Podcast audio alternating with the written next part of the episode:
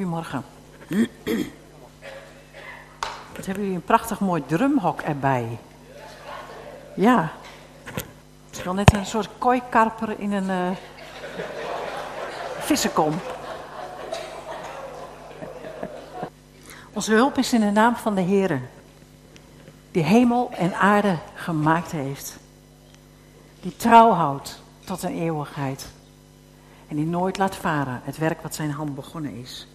Genade zij u en vrede van de Vader en de Zoon, de Heer Jezus Christus, in verbondenheid met de Heilige Geest. Amen. We gaan het hebben over uh, verlies. En daar wil ik een psalm voor lezen, een hele korte psalm van David. Psalm 13. Want het vers uit Matthäus kennen we waarschijnlijk allemaal wel uit ons hoofd. Matthäus 5, vers 4. Zalig zij die treuren, want zij zullen vertroost worden. Maar Psalm 13 is een psalm, daar wordt niet zo heel veel over gepredikt. Dus vandaar.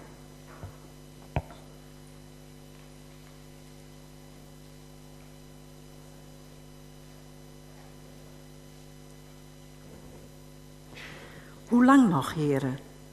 Zult u mij voor altijd vergeten? Hoe lang zult u uw aangezicht nog voor mij verbergen?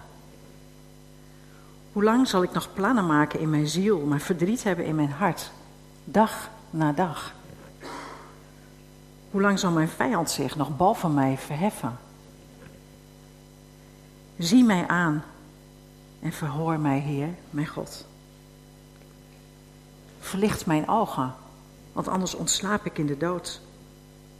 Anders zegt mijn vijand, ik heb hem overwonnen. En verheugen mijn tegenstanders zich, wanneer ik wankel. Ik echter vertrouw op uw goede tierenheid.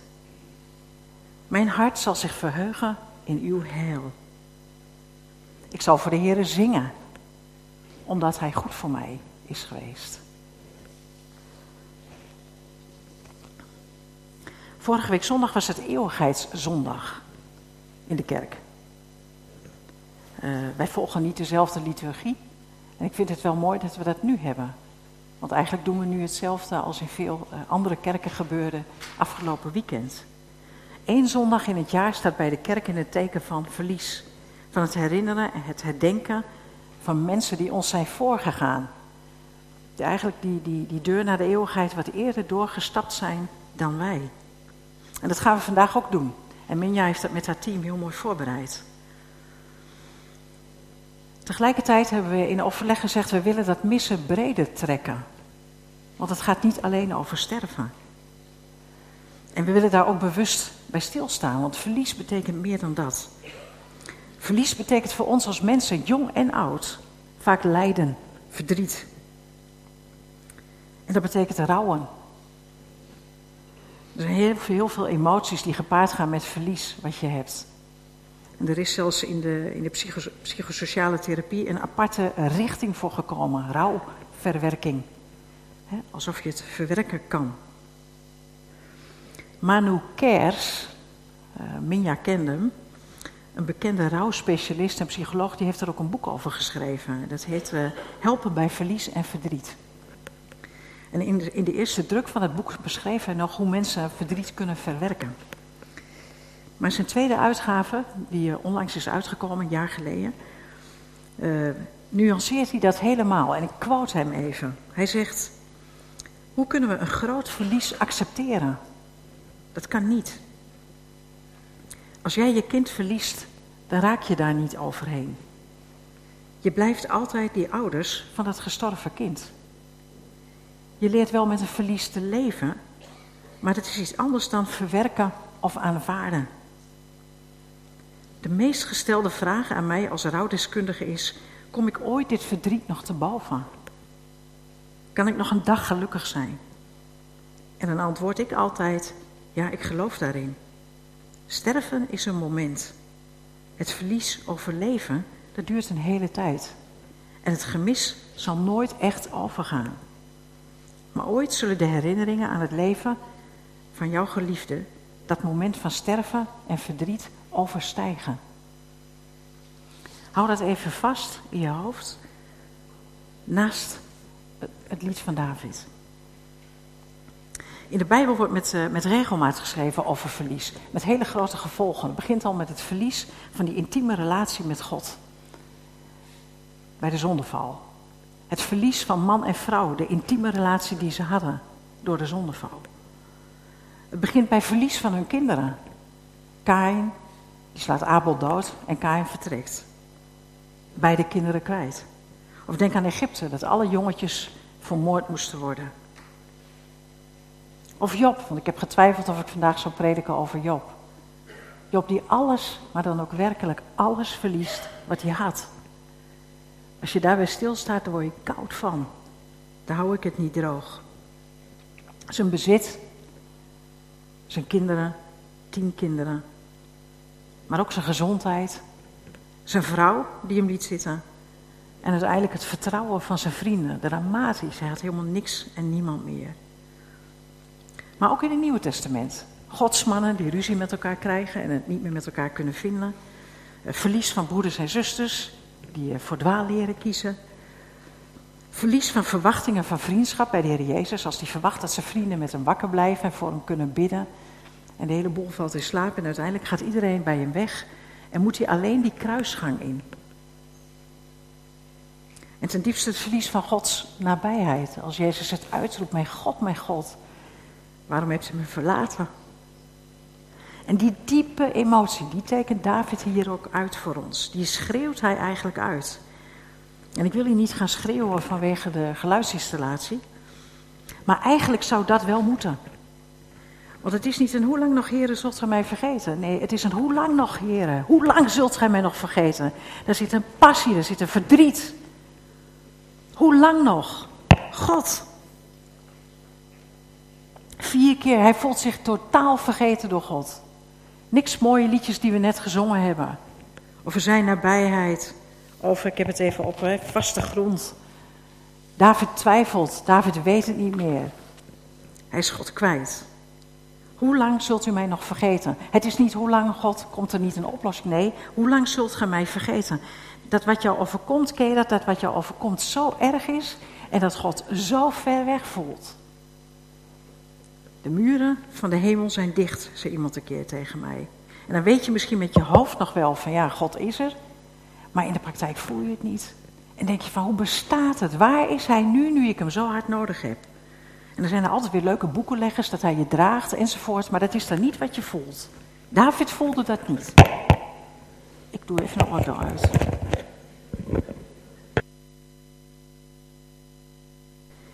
Een oude kerkvader, Johannes Christosomos, die zei: Het is een genade te voelen dat God jou vergeten is, want dan voel je tenminste nog wat.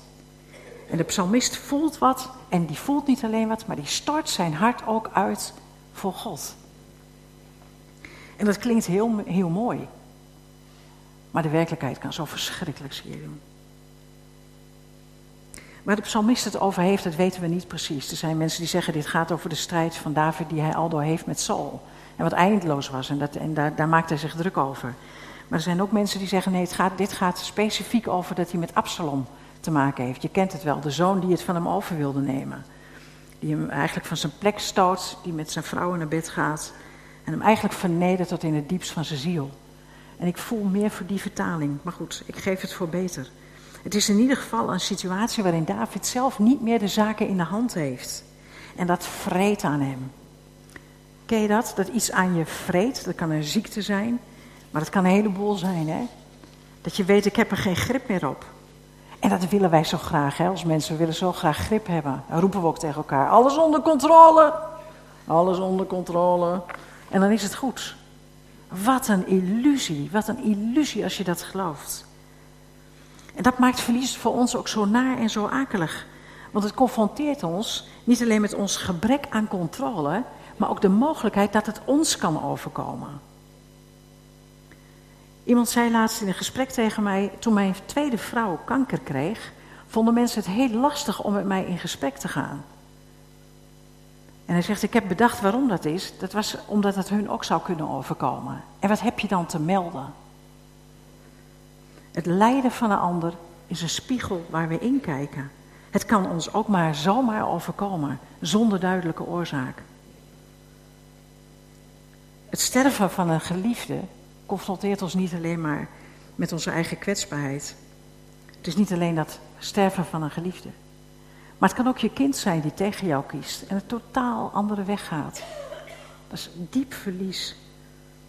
Het kan verlies zijn van je vrienden, omdat je ouders naar een andere kerk gaan en je al je vrienden kwijtraakt. Of wanneer je naar een andere school moet en je hele vriendenclub kwijtraakt. Het kan ook een kerkscheuring zijn. In de voorbereiding van Powerparent zei de zanger dat tegen mij. Hij zegt, ik heb geen ervaring met echtscheiding. Maar ik heb wel ervaring met kerkscheuringen. Het heeft me zo beschadigd, het heeft me zo zeer gedaan. Verlies van je gezondheid. Verlies van je, van je verstand. Maar vooral het zien dat een ander zijn verstand verliest door Alzheimer of iets anders. Verlies van je partner, omdat hij bij je wegging. Verlies van een maatje, een vader, een moeder. Depressie. Of je vrijheid echt kwijtraken. Jo, David benoemt het allemaal hier als zorgen maken, verdriet hebben. Maar eigenlijk die grote vijand tegenover je zien, die je eigenlijk niks kan maken. Want hij realiseert zich hier één ding. Hoe lang zal mijn vijand zich nog boven mij verheffen? Ik krijg hem niet klein. Dat is wat hij eigenlijk zegt. Ik krijg hem niet klein. God, ik kan het niet meer. En u vergeet mij gewoon. Ik ben niet meer in beeld. Misschien eigenlijk een soort heenwijzing, hè? ook naar het Nieuwe Testament. Waarin staat dat de laatste vijand die overwonnen is, de dood is. Maar hoe dan ook, die controle die we zo graag willen, de controle die hij zo graag wil. Mensen, het is een illusie. Het is eigenlijk realistischer om te zeggen: ik ga overgegeven leven, dan te denken dat je iets onder controle hebt. Nederland is veiliger dan ooit qua regelgeving en structuren. Maar we hebben minder controle dan ooit. Is een heel boeiende, hele boeiende beweging. En in onze maakbare wereld willen wij echt niet horen dat we geen grip hebben. Want die willen we echt houden. En we zingen dan wel dat de Heer ons aan de hand mag nemen als een kind, maar uiteindelijk willen we het gewoon zelf bepalen. En dan bepalen wij het wel van God en ook in onze gekwetstheid en verlies. We vinden gekwetstheid en verlies lastig omdat we eigenlijk geen woorden hebben. Want we willen graag wat doen, we willen het verdriet wat, wat zien, dat is zo groot soms, dat je niet weet wat je moet doen. Heb je dat ook wel eens dat je denkt, wat moet ik nou zeggen? Wat moet ik nou zeggen? En dan gaan we wat zeggen, sukkels die we zijn. En soms moet je maar niks zeggen. Weet je, de vrienden van Job, jullie kennen het verhaal van Job. De vrienden van Job komen overal vandaan. Ze treffen elkaar ergens en dan gaan ze samen naar Job toe. En dan zitten ze zeven dagen en zeven nachten stil bij Job. Waarom? Omdat ze dat diepe lijden van hem zien. Ze hebben er geen woorden voor. En eigenlijk zouden allemaal niks moeten zeggen. Job niet en zijn vrienden niet. Dat zwijgen was het meest helende voor Job. Het gaf voor, in ieder geval voor hem de ruimte om wat te gaan vertellen. Ze kwamen niet met bijbelteksten, niet met vreugdevolle verhalen of wat dan ook. Nee. En David doet dat hier ook niet hoor. Hij benoemt zijn verdriet, hij klaagt zijn nood bij God. En niet in de minste bewoordingen. Geen vrome verhaaltjes over nut en doel. En dat het allemaal de bedoeling is en dat het allemaal weer goed gaat komen. Nee, helemaal niet. Hij benoemt gewoon enorme pijn. Hetzelfde wat we ook zien bij de Heer Jezus, als hij toch in de tuin van Gethsemane zegt, Heer, als het kan, mag dit alsjeblieft aan mij voorbij gaan. En God laat het staan. We hebben gewoon een psalmen gekregen, er zijn meer van dit soort psalmen. En we hebben ze gekregen omdat ze blijkbaar voor ons van belang zijn. Dit mag dus, hè? dit moet. Diepe emotie moet een plek krijgen, mag een plek krijgen. En God laat dat staan, ik vind dat zo mooi. Want God is de God van God met ons. Net zo goed als hij Job laat staan. Ik geloof 38 hoofdstukken lang. En de vrienden laat staan. Tot het eind. En dan heeft hij er wel een idee over.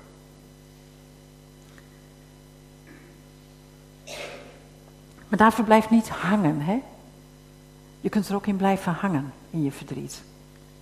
Maar daarvoor blijft niet hangen. Hij gaat eerst van klagen, diep, diep klagen naar vragen. Weet je, die eerste stap slaan wij al vaak over. Hè? Als iemand diep begint te klagen, dan gaan we bagatelliseren en zeggen: joh, weet je, het is toch niet zo erg.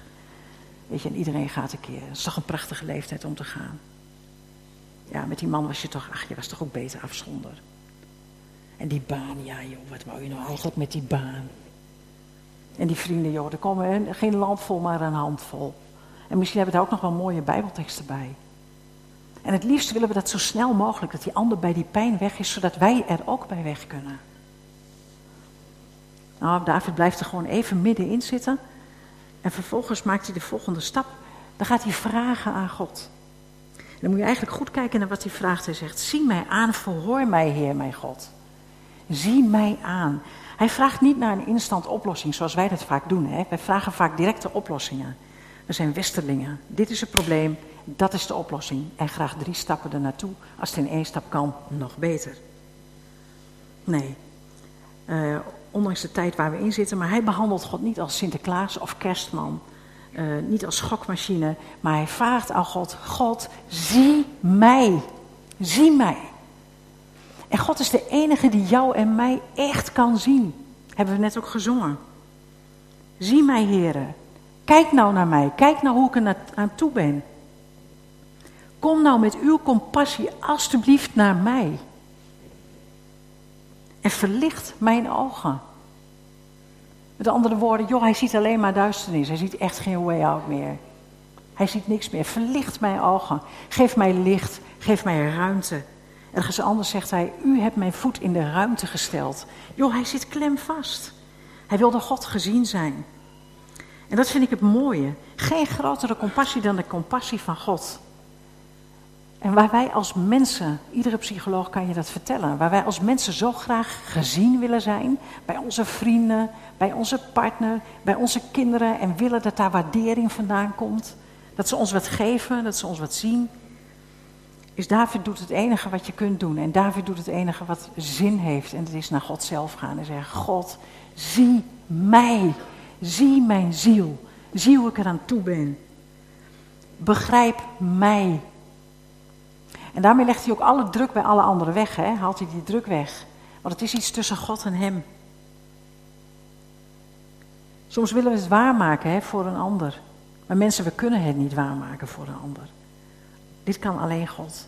Dat diepste verlangen, die diepste intimiteit met God, kan geen mens voor jou opvullen.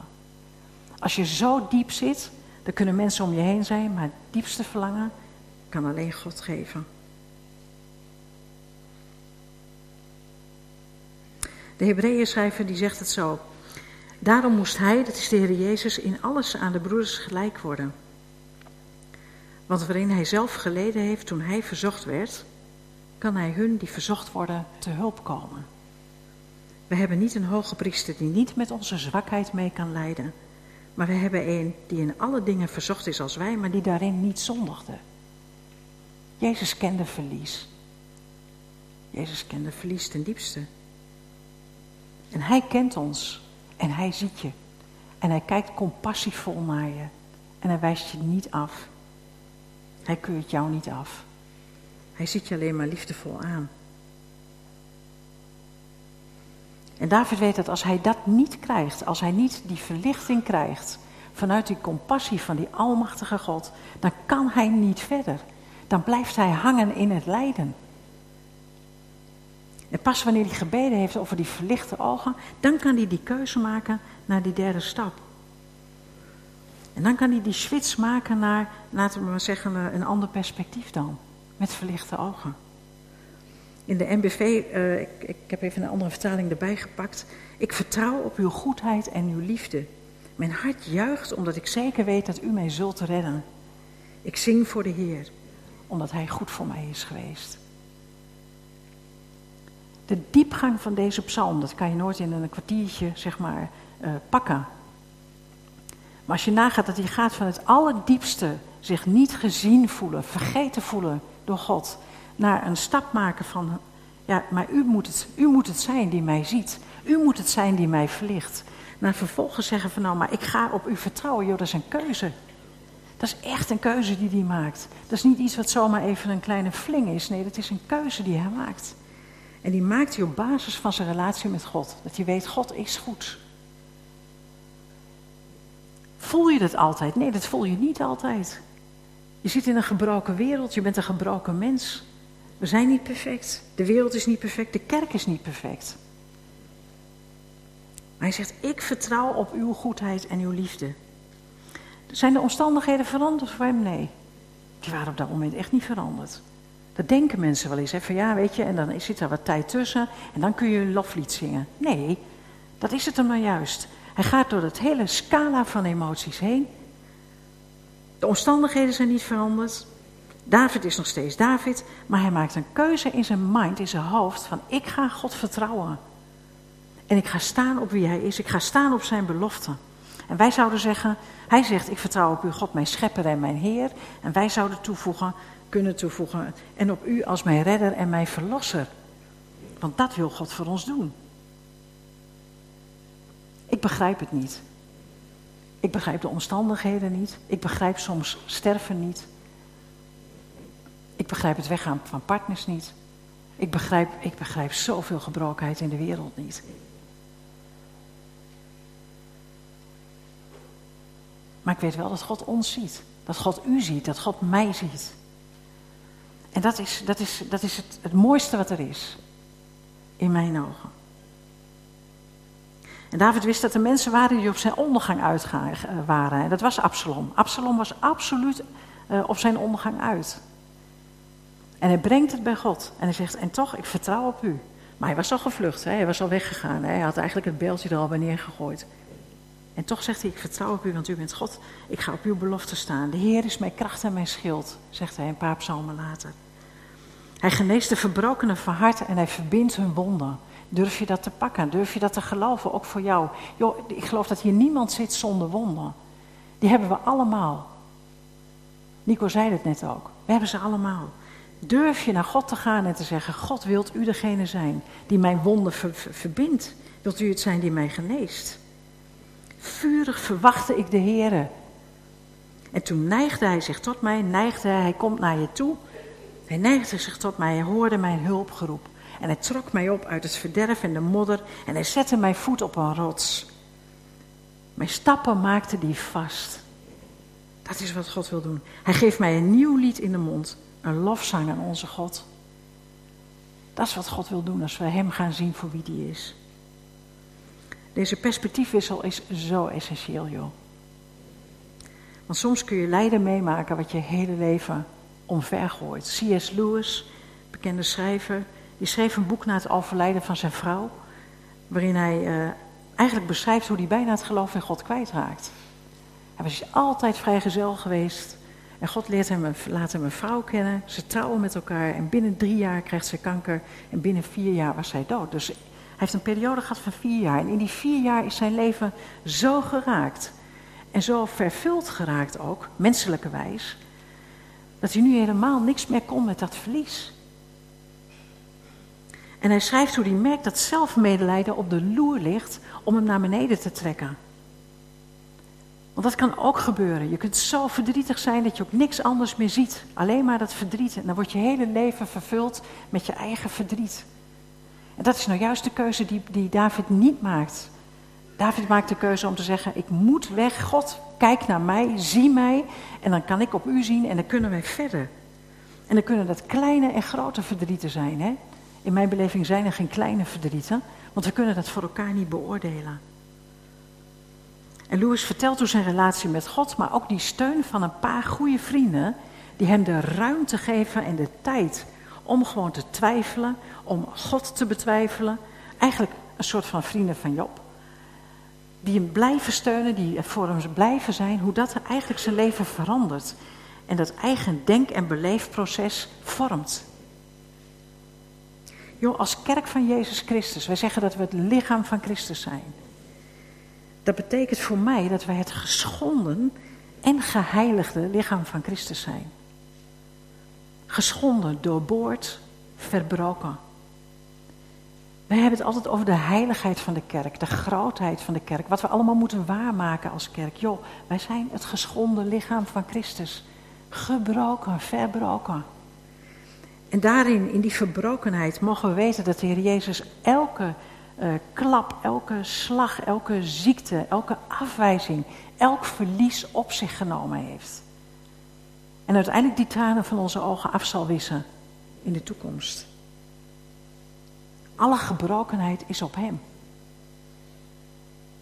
En in deze gebroken wereld mogen we dan ook naast elkaar staan als christenen. In de gebrokenheid.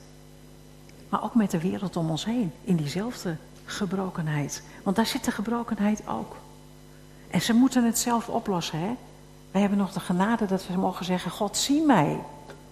Ik kom bij u, zie mij. Op een gegeven moment kwam de preek heel dichtbij. Ik, uh, volg, ik zit op jullie gebedsapp, dus ik volg uh, de gebeden en ik mag meebidden voor deze gemeente. Dat vind ik een voorrecht. Dus ik wist dat Griet ziek werd. Uh, en vrijdag kregen we het bericht van, hé, hey, Griet is, is naar de vader. Griet is overleden. En dan komt het er voor mij op aan. Ook bij een preek zoals dit. Mag er nou ruimte zijn voor dat verdriet? Dat diepe verdriet? En bij alle andere verdrieten die we tegenkomen in de gemeente, mag er alsjeblieft ruimte zijn. Ook al weten we dat zij het goed heeft, ook al loopt ze misschien wel te huppelen in de hemel nu. En is ze helemaal geweldig blij en dankbaar bij God. Maar zijn we er voor de nabestaanden? Want hun gemis hoeft er niet minder om te zijn. Het nochtans, ja nochtans zal ik juichen, staat in schril contrast met de tekst uit Spreuken over de vrolijke woorden die iemand uit bij iemand die in rouw is. Het vraagt dus om balans. En uiteindelijk komt het erop neer of we waarachtig durven zijn. Waarachtig over ons eigen verdriet en onze eigen gebrokenheid naar elkaar toe. Um, maar ook waarachtig in, uh, zoals hij waarachtig is in het zoeken naar op de, op de juiste plek voor troost en hulp. Ik ben ervan overtuigd dat wanneer we meer op God zouden kijken en vervolgens de verbinding zouden hebben met mensen in de gemeenschap, in de gemeenschap de heiligen, dat we minder naar hulpverleners zouden toehoeven. Het gaat om waarachtig zijn in ons eigen verdriet, het erkennen van het verdriet van de ander. Het gaat om waarachtigheid in de troost geven. Maar het gaat vooral ook om het gaan naar de waarachtige, de enige, die ons werkelijk kan zien met al het verdriet wat we hebben. Want Hij is de reden dat wij kunnen zeggen, dood, waar is je prikkel? Niet wij kunnen dat, Hij is de reden dat we dat kunnen zeggen. Hij heeft de dood overwonnen. En dan is een verlies geen punt. Dan is een verlies voor mij een komma. Want ieder einde is ook een nieuw begin. Ik geloof ten diepste dat God alles zal laten medewerken ten goede voor degene die gelooft. Hoe raar, hoe krenkend, hoe beschadigend de dingen ook zijn die we in ons leven meemaken. Maar het is wel een begin waarin God ons bijstaat waarin God jou bijstaat. Als je hem dat laat doen. Het is een begin waarin we in onze gebrokenheid weten van hé, hey, wij kunnen het zelf niet. Maar met God kunnen we veel meer, springen we over die muur. En dat betekent vooral dat we mens durven zijn met elkaar, in alle kwetsbaarheid. En dat we weten dat in die kwetsbaarheid God in onze gebrokenheid nabij is. David maakt in Psalm 13 drie stappen. Van klagen naar vragen, naar dragen. En het dragen, dat mogen we samen doen. Met God en met elkaar. Laten we bidden.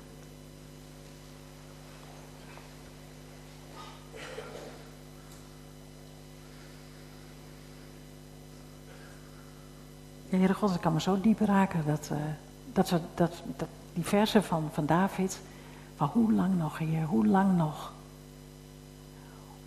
Hoe lang, duurt het nog voordat we over dingen heen kunnen zijn? Hoe lang we hebben al die vragen als mens hebben we. Hoe lang nog werkeloos? Hoe lang nog? Ach Heer, u kent ons allemaal. U loopt hier door de rijen en u ziet ons. En we hebben gebeden van tevoren, Heilige Geest, dat u die God van troost wil zijn voor iedereen die hier zit. Dat u dat verdriet naar boven wil brengen, maar dat u dat gelijk ook in uw handen neemt en het koestert. En zegt van, joh, geef het maar aan mij en geef het maar af. Want u wil het wegnemen, Heer, al die dingen die we als verlies ervaren. U wil het wegnemen omdat het soms stenen zijn die we met ons meezeulen. En waardoor we helemaal niet meer vooruit kunnen. En ik wil bidden, heren, dat u niet alleen op deze morgen, maar ook de rest van de week gewoon met ons meegaat. En dat we ons steeds vrijer mogen voelen, mogen weten, omdat we weten wie u bent. Groot God. Dat we in uw hand zijn en dat niemand ons daaruit kan roven. En dat een einde, hoe kwetsend ook, geen punt is voor u. En ook geen punt is voor u. Maar een komma. En dan ben ik benieuwd, heren, wat u in onze levens gaat doen. Heer, ontferm u. Amen.